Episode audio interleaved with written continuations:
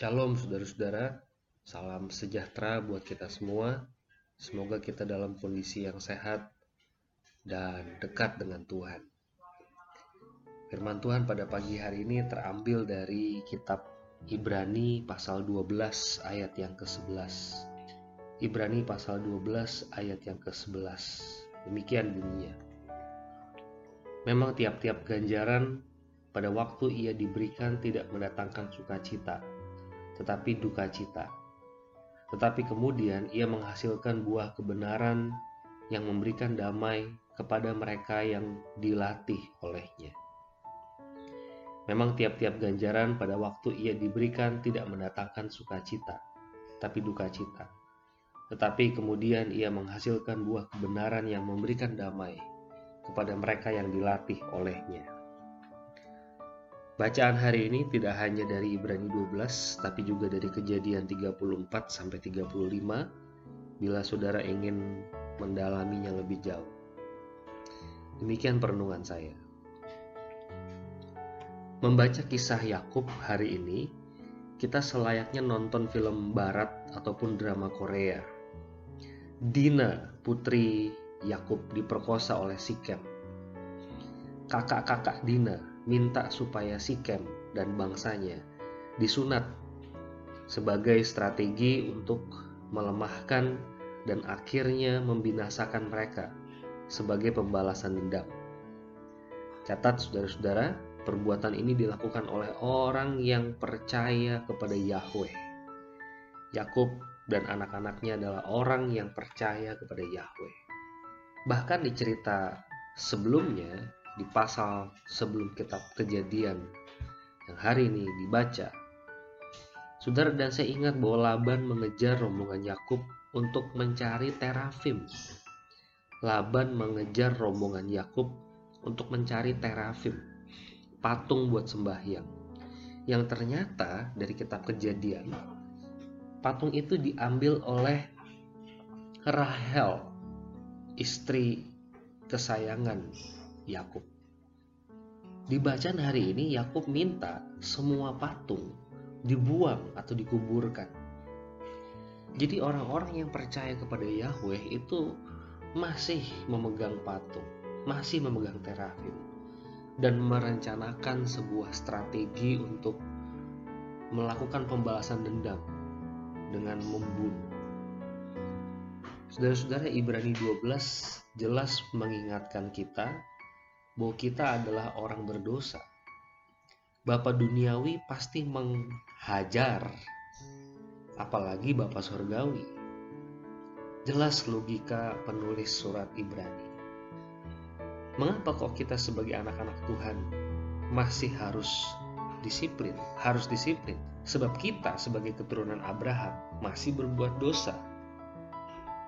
Saya tertarik dengan kalimat di ayat ini supaya kita yang dilatih bisa menghasilkan buah kebenaran atau mungkin kalau boleh saya ubah sedikit supaya kita yang terlatih bisa menghasilkan buah kebenaran. Hidup kita harus menghasilkan buah kebenaran dan itu hanya bisa terjadi bila kita dilatih atau melewati sebuah ganjaran.